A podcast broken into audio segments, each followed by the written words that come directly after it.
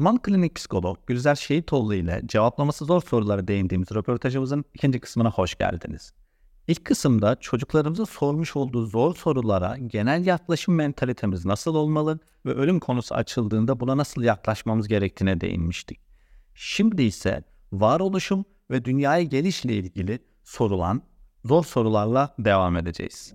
Şimdi ölüm hep hayatın sonundan biraz başlamış olduk aslında e, bakarsanız. Şimdi başına geri dönelim. Yani ister varoluşsal kısımdan da başlayabiliriz. Veya ben nasıl oldum, ben nasıl doğdum, dünyaya geldim, bu dünyada ne yapıyorum gibi böyle kapsamlı bir varoluşsal sorusu olabiliyor çocuklar. Farklı açılardan basit basit sordukları.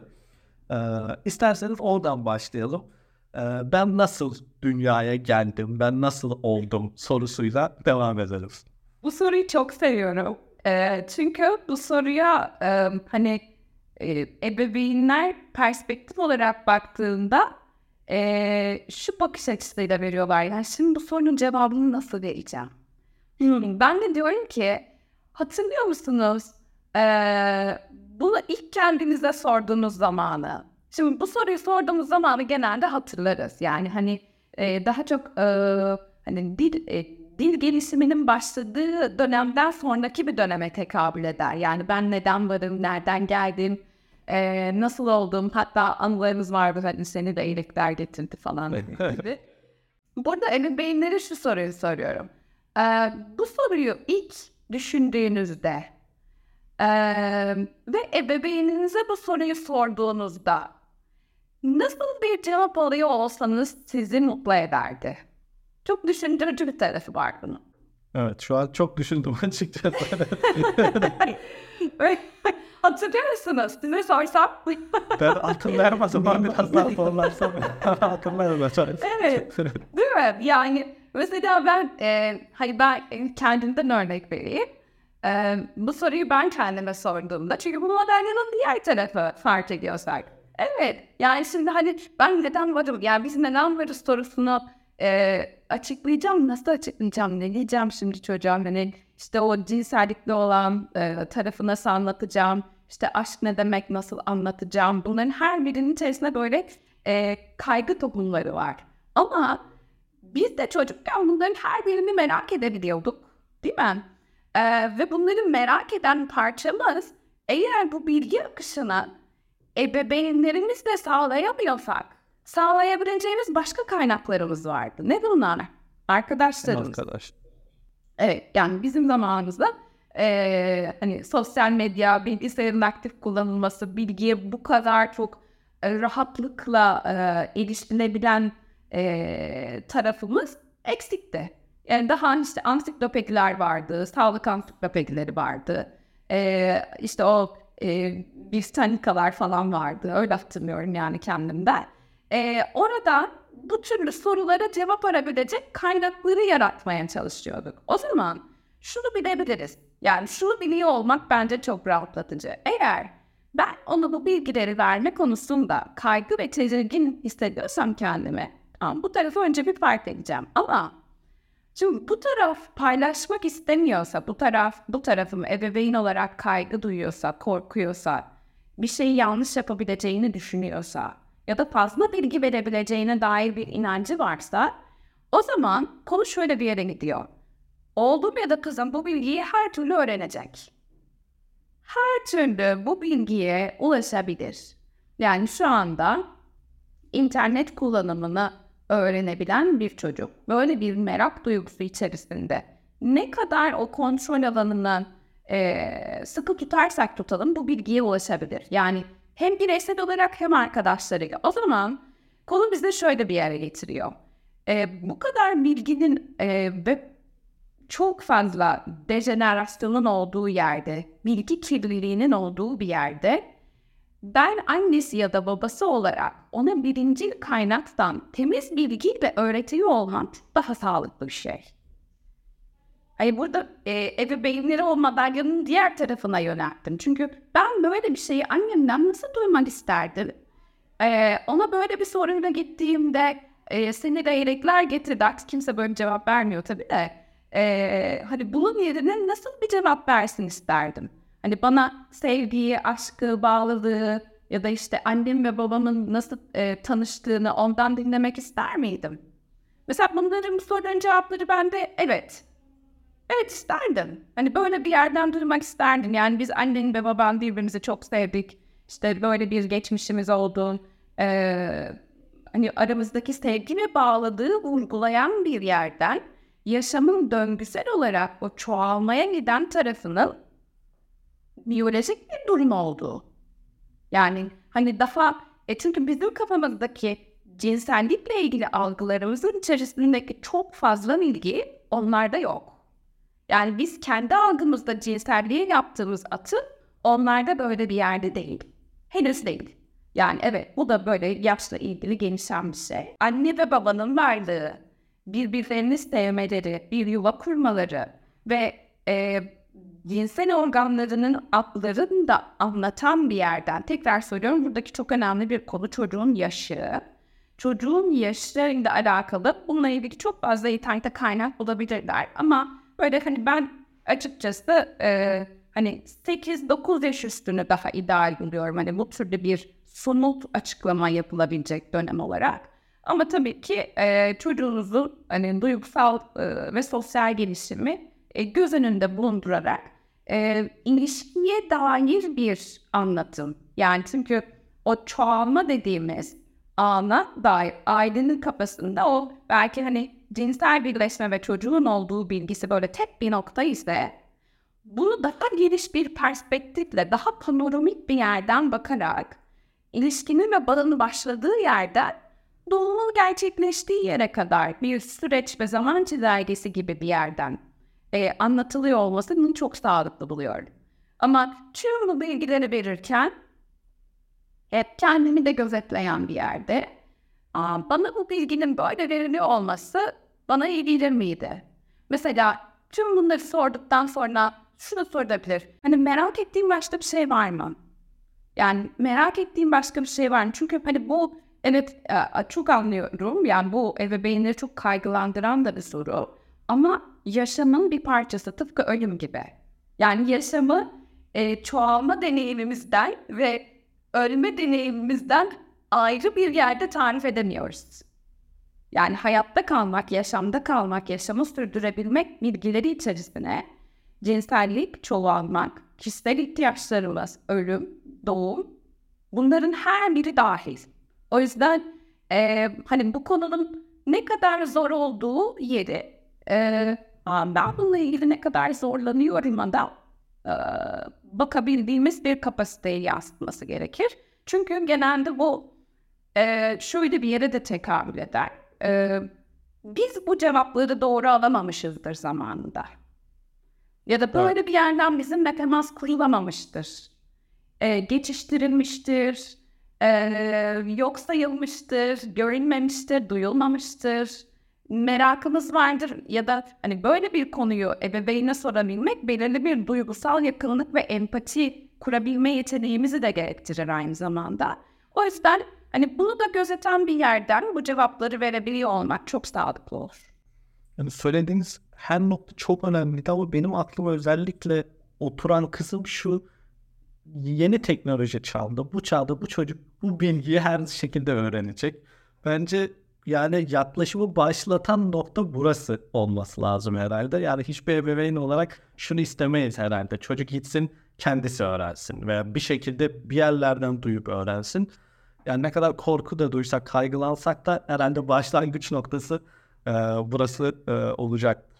Yani hani şöyle, şöyle e, belki hani şöyle bir eklemede bulunabiliriz.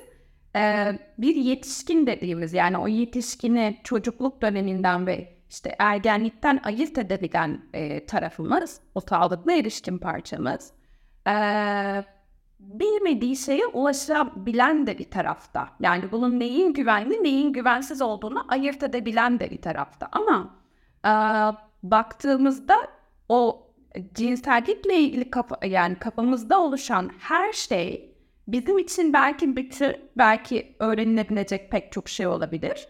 Ama o bu yola daha yeni başlıyor. O bununla ilgili merak duyguları tekrar geliyor ve hiçbir yetişkin, sağlıklı bir yetişkin cinsellikle ya da hani çoğalmakla alakalı ya da bir ilişki kurabilmekle alakalı bilgim yok dediğini hayal edin. Yani bu, bu çok önemli bir durum olurdu. Ama best relation.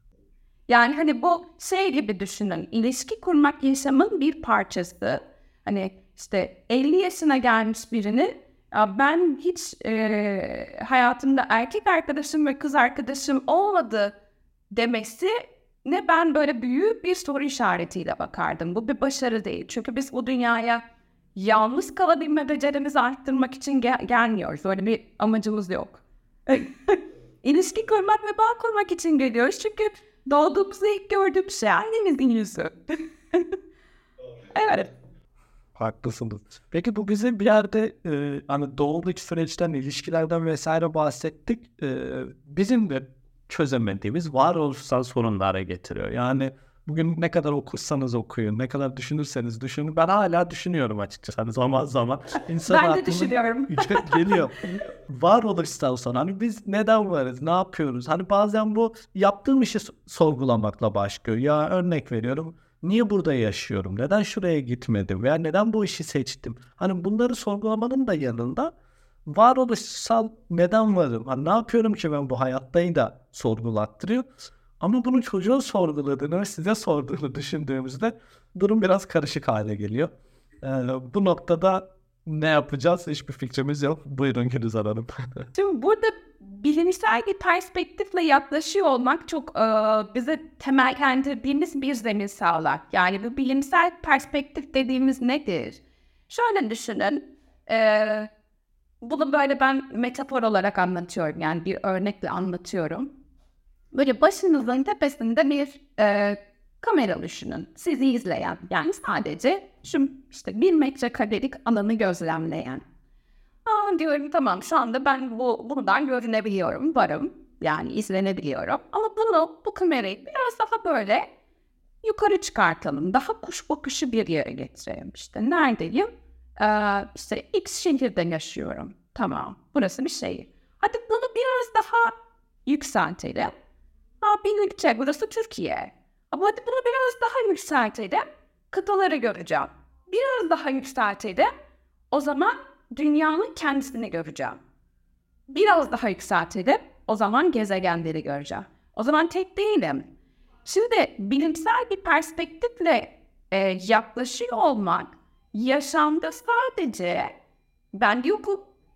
Ve burada olabiliyor olmamı sağlayan belirli şeyler var. Ne bu? Güneş gibi.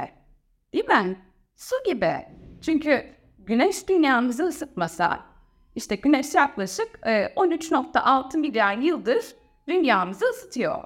Ve hani yapılan araştırmalara göre de tam bilgi bilmiyorum ama hani 5 nokta küsür milyar yıl daha e, ısıtabileceği varsayılıyor. Şimdi o zaman böyle bir perspektifle, tabii bu bilgiyi verilmesi için söylemiyorum ama burada yaşamın kaynağı belirli yapılar. Ne bu? Su, oksijen, karbondioksit ya da havadaki ideal azot. Bunların her birinin eee, bir değeri ve anlam ve önemi var. O zaman böyle bir bilimsel perspektifi getiriyor olmak daha bütüncül bir yapıda bize bir bakış açısı sağlar. Bununla alakalı örnek veriyorum işte daha önce zamanda olan dinozorlar ya da daha farklı kıtaların oluşumu, kıtaların zaman içerisindeki değişimleri, suyun zaman içerisindeki farklılaşması, gezegenlerin e, kendi aralarındaki ilişkileri, e, o neden varımı daha bütüncül bir perspektifle e, kavrayabilmemi ve anlatabilmemi sağlıyor. Bunu çok değerli buluyorum. Çünkü burası e, en başta şunu söylemiştim. Hani anne biz neden varız? Neden bu yaşamdayız? E, sorusu böyle çok böyle şey gibi. Nasıl söyleyeyim? Böyle bir girdap gibi anlatabildim mi? Yani hani nasıl gireceğim buraya? Ne söyleyeceğim şimdi? Ama e, deminki konuda da hani cinselliğe bir perspektif sağlamıştık ya. Hani o perspektifte de daha bütüncül bir bakış açısına sahip olduğumuzda o varlığımızın nedenini bulan değil ama varlığımızın süren parçasını anlatabilen tarafımız bu bir. İkincisi ise çocuk neden böyle bir soruyu soruyor? da ben şunu sorarım. Aa, sen peki neden var olduğumuzu düşünüyorsun? Çünkü bir şeyler bunu ona düşündürmüş. Değil mi? Ya, evet yani örnek veriyorum sen neden var olduğumuzu düşünüyorsun? Hani oraya bir nasıl bir duygu geliyor? Korku mu geliyor? Merak mı geliyor? Çünkü e, hani neden varız sorusu içerisinde korku duygusu olabilir, kaygı olabilir, merak olabilir, pek çok duygu olabilir. Ve o duyguyu yakalarsam eğer gerçekten sormak istediğini anlayabilirim. Çünkü hani eğer bir çocuk varlığına dair bir şey soruyorsa genelde ölümden korktuğu için soruyordur. yani Aynen. bir şeyin bir şeyin başlangıcının ne olduğunu merak ediyorsa bunu anlamlandırabildiğin yer sonunu görebildiğin bir deneyim vardır.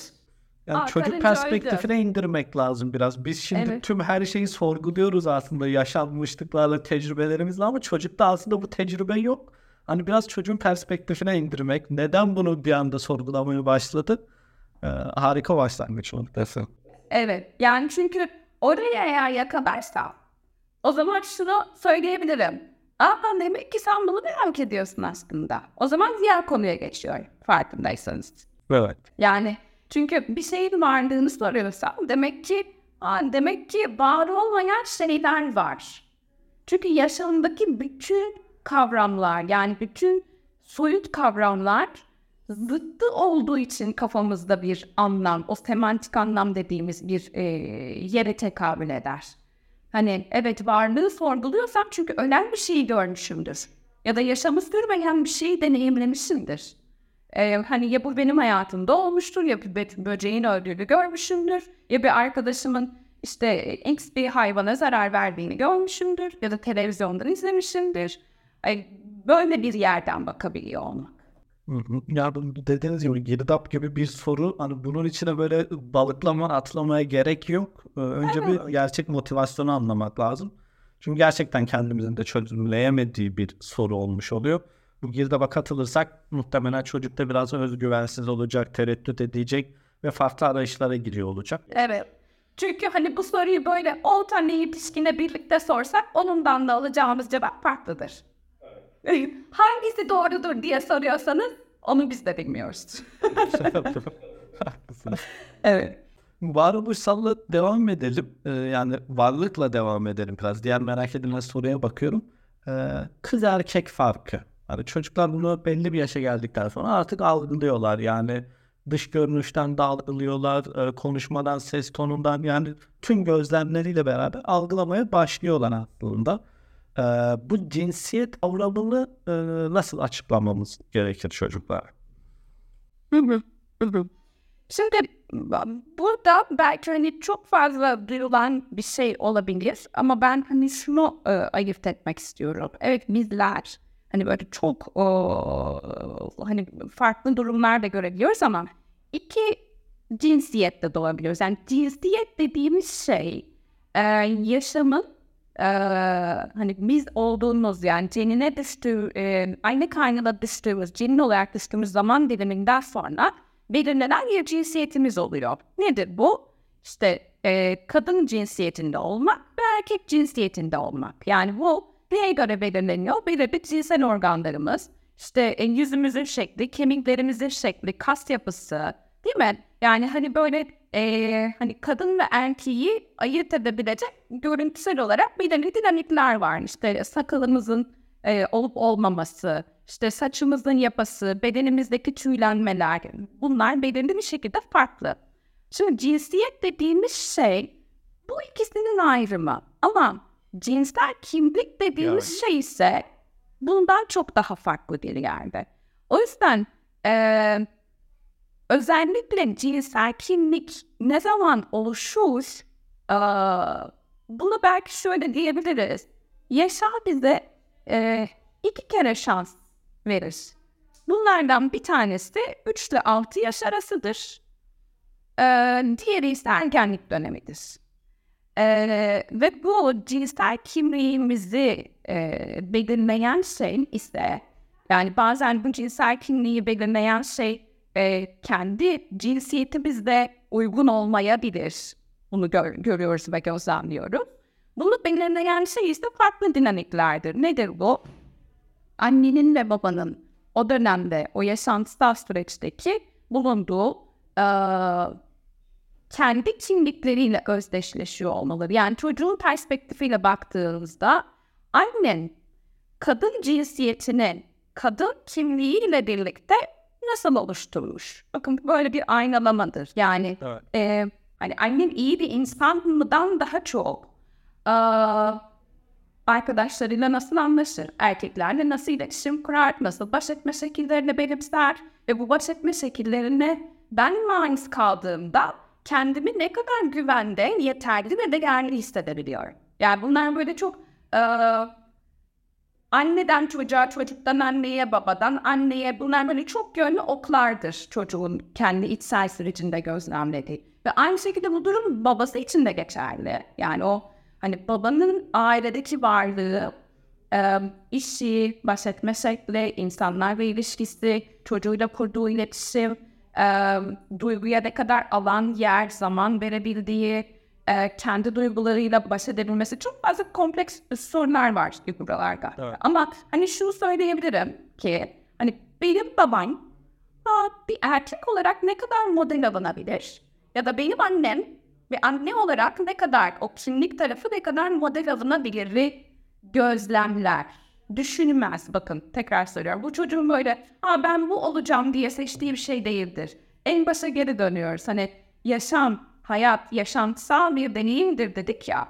Aslında bunun bir parçası bu.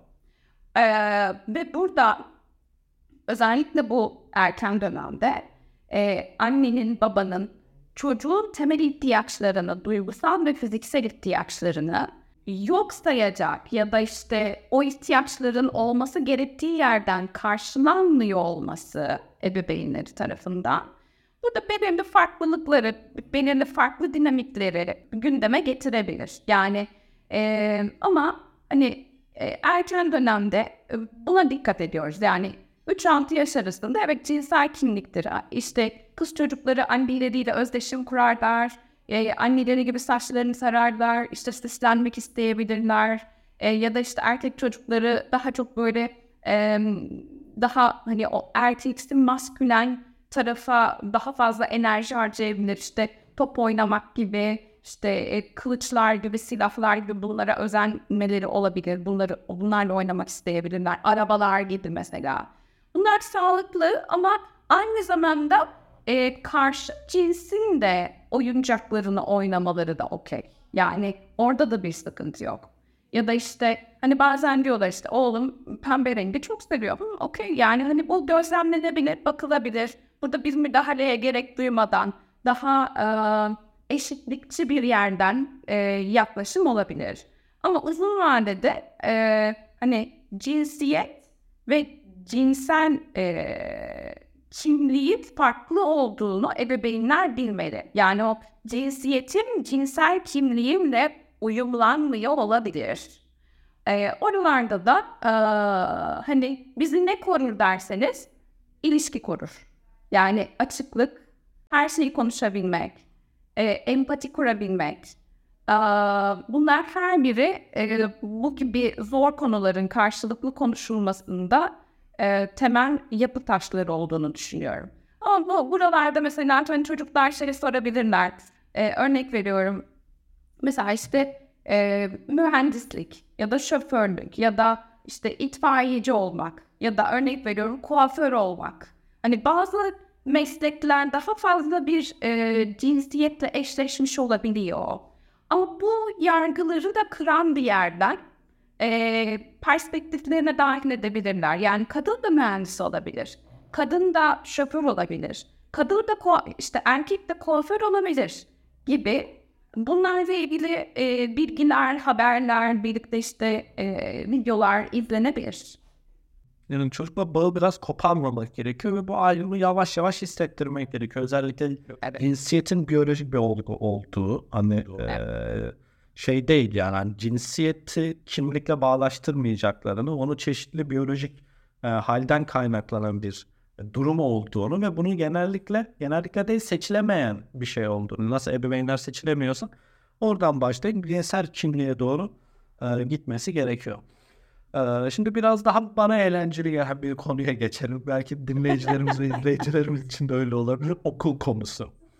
E, okula Tabii. gitmek istemiyorum. Okula neden gidiyorum ki? Hani bu ne işe yarıyor ki? Gibi gibi e, hepimizin oldu. Bizim de oldu. Sizin de olmuştur belki. Kimisi çok seviyor tabii. Hiç yaşamamış hayatı boyunca. O da bana farklı tuhaf gelen bir durum ama oluyor neticede. Nasıl anlatılmalı çocuklar yani belki okulu anlatmak gerekir belki neden gidilmesi gerektiğini anlatmak gerekir ama böyle bir sorunsalla tüm ebeveynler karşılaşıyordur muhtemelen veya çoğunluğu. Evet. Ee, şimdi şöyle düşündüğümüzde e, okula neden gidilmeli sorusuna bu gibi zor konularda fark ediyorsanız perspektifi biraz ebeveynin kendisine çekmeye çalışıyorum. Yani okul benim için nasıl bir deneyimdi ebeveyn olarak mesela hani şu anda bizi dinliyorlar, izliyorlar. Ee, hani konuya giriş yapmadan biraz böyle buna alan vermek, hani düşünmek için biraz zaman vermek istiyorum. Hani okul e, sizin için nasıl bir deneyimdi? E, zor muydu? E, kolay mıydı? Zorlandığınız bir dönem oldu mu? E, işte lise hayatı, üniversite hayatı baktığınızda böyle bir hani zaman çizelgesi içerisinde geçtiğimizden o e, işte yani yaşamınız boyunca sizi buraya kadar getiren alan, yer.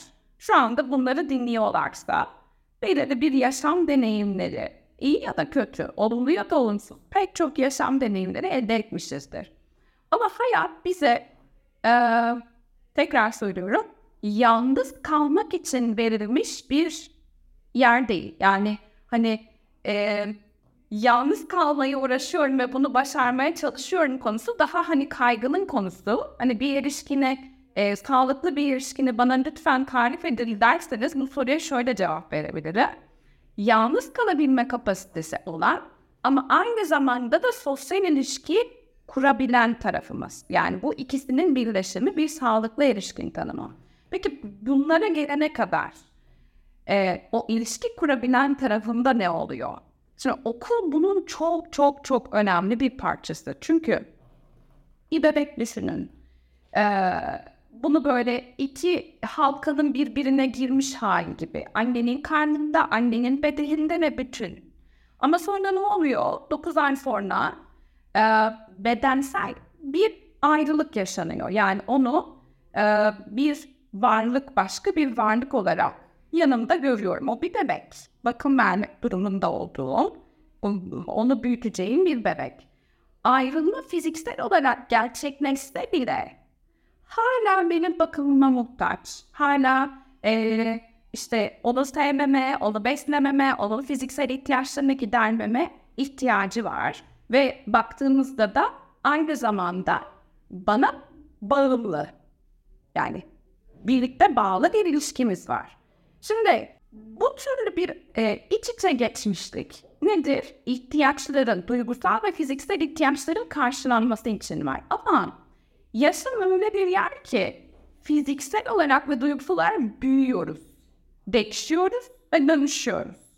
O yüzden e, böyle bakın hani bir yaşındaki bir çocuğun annesine duyduğu ihtiyacın dinamiğiyle 8 yaşındaki bir çocuğun annesine ya da işte bakım verenine duyduğu ihtiyaç dinamiği arasında çok önemli bir e, fark ve nitelik farkı vardır. Ve fiziksel de bir e, ayrım vardır. O yüzden okul öncelikle sosyalleşeceğimiz bir alan sağlıyor. Yani arkadaş edinmek, yeni bir yere girmek ve o arkadaş ortamı içerisinde fiziksel ihtiyaçlarımızı, fiziksel, duygusal ihtiyaçlarımızı belirli baş etme sistemleriyle deneyimleyebileceğimiz bir ortam sağlıyor. Yani aynı zamanda ne sağlıyor? Bilgi edinmeyi sağlıyor. Yeni şeyler öğreniyorum okulda. Yeni bilgiler öğreniyorum. Ee, peki başka ne öğreniyorum? Beceri geliştiriyorum. Çocuğun kendisine işte resim mi, beden eğitimi mi, matematik mi, fen bilgisi mi hani bu gibi alanlara böyle hani akademik perspektifi bir tık böyle dışarıda baktığınız bir yerden konuya daldığınızda e, o beceri geliştiren de bir yer. Hani eğitim sistemi tabii ki tartışılır burada. Hani okulların kendi müfredatına göre farklılık gösterebilir. Çünkü bazı okullar daha hani beceri gelişimine alan veren bazıları daha akademik hani sınav sistemine hazırlayan da bir yerde yaklaşılıyor ama hani ilk öğretim dediğimizde çocuğun ilişki kurmayı öğrendiği, bireysel alanını ve sosyal ilişki alanını genişletebildiği bir ortam ve bir perspektif çevresinden bakmak ve aynı zamanda e, bu çerçevenin de iki kavram var. Ne bu? Disiplin ve sorumluluk. Ne bu? Öz yeterlilik alanını da annemden ayrı, babamdan ayrı ya da işte bana bakım verenden ayrı bir ortamda gerçekleştirebiliyor olmayı deneyimletiyor. Bakın deneyimletiyor. Yani öğret, yani öğre, öğrenme deneyimini yaşamsal bir maruz kalma yöntemiyle öğreniyoruz. İşte 8 saat okulda kalarak örnek evet. veriyorum. Hani o verimlilik tabii ki herkes için farklılaşır. Ama hani ebeveyn gözüyle baktığımızda hani oğlum sen işte kızım sen neden okula gidiyorsun ee, sorusu bu temel işte beceri geliştirmek, e, sorumluluk sahibi olmak ya da işte e, belirli bir disiplin çerçevesinde yeni bilgi öğrenmek, arkadaşlık kurmak, e, yalnız başına öz bakımını belirli limitlerle karşılayabiliyor olmak ve kendimizi keşfetmek için gidiyoruz. Evet, çok güzel bir toparlanmış oldu açıkçası. Ee, Gülizar Hanım yani çok fazla soru sorduk merak edilen e, birçok şeyin yanıtladık aslına bakarsanız. Ee, sizden bir özet rica edeceğim ama benim temel özetim kendi kafamdaki şu oldu. Genel olarak bir perspektif oluşturmak gerekiyor. Yani sorulara böyle balıklama atlayıp o soruyu nasıl yanıtlayacağım debelenmekten ziyade bunun motivasyonunu anlamak, e, bir perspektif oluşturmak, bunun evet. perspektifle çocuğun sorusunu e, yanıtlamaya gitmek gerekiyor. E, ama sizin söyleyecekleriniz izleyicilerimiz ve dinleyicilerimizin daha çok şey ifade edecektir. Tüm bu zor sorular konularını özetlemek, bir perspektif çizmek gerekirse ebeveynlerimize ne söylemek istersiniz? Akıllarında ne kalsın bu konuya yaklaşım açısından? Şimdi e, bu zor konuları özetlemek gerekirse en belirgin söyleyeceğim şey pek çok konuyu konuşmadan öncesinde de başında da dile getirdi. O konunun ya da o sorunun ebeveynin kendisi için neden zorluk teşkil ettiği. Yani o soruyu yanıtlamadan önce ya da örnek veriyorum ben mesela hani kendi ebeveynlik sürecinde de e, böyle ara ara bakarım. Hani hangi konuyu benim için anlatmak zor ya da bu konu neden zor? Çünkü bir konu bir konuyu anlatmak ve paylaşmak ebeveyn için zorsa o konuyla ilgili bir öykümüz vardır. O konuyla ilgili kendi yaşantısal örüntümüzde, kendi yaşantısal hikayemizde bir boşluk vardır ya da uygun olmadığını hissettiğimiz bir zaman dilimi vardır. Yani kendi soru işaretlerimiz vardır. Öncelikle orayı fark ettikten sonrasında e, bu alanı doldurmaya çalışmak.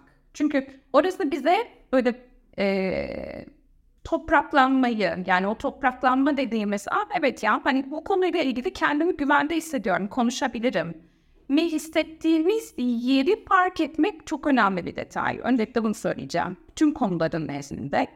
İkincisi ne kadar çok şey paylaşırsam o kadar anlaşılır bu konudan ziyade e, ne kadar anlayabilmek istiyor aslındayı fark etmek de önemli bir yer. Çünkü benim anlatmak istediğimle onun anladığı ve merak ettiği yer çok farklı olabilir. Çünkü o anlatmak istediğim yer aynı zamanda işte ebeveyn olarak benim kaygımın bir parçası olabilir. Ee, o yüzden bunları hani aslında burada ne sormak istediği ve hangi e, niyetle ve neyi öğrenmeye çalışarak demin mesela işte varlığımızın amacı ya da varlık konusunu sorduğumuzda konu bizi ölüme ve yaşama sonuna çıkarttı. Değil mi? Evet. Ne kadar enteresan. Yani bu hani e, bir madalyanın diğer tarafını fark edebilmek gibi. O yüzden e, kısa, anlaşılır, e, onun gerçekten anlamak istediğini fark ettiğimde yanıt verebileceğim ve şunu da kapsayan bir yerde her şeyi bilmek zorunda değilim.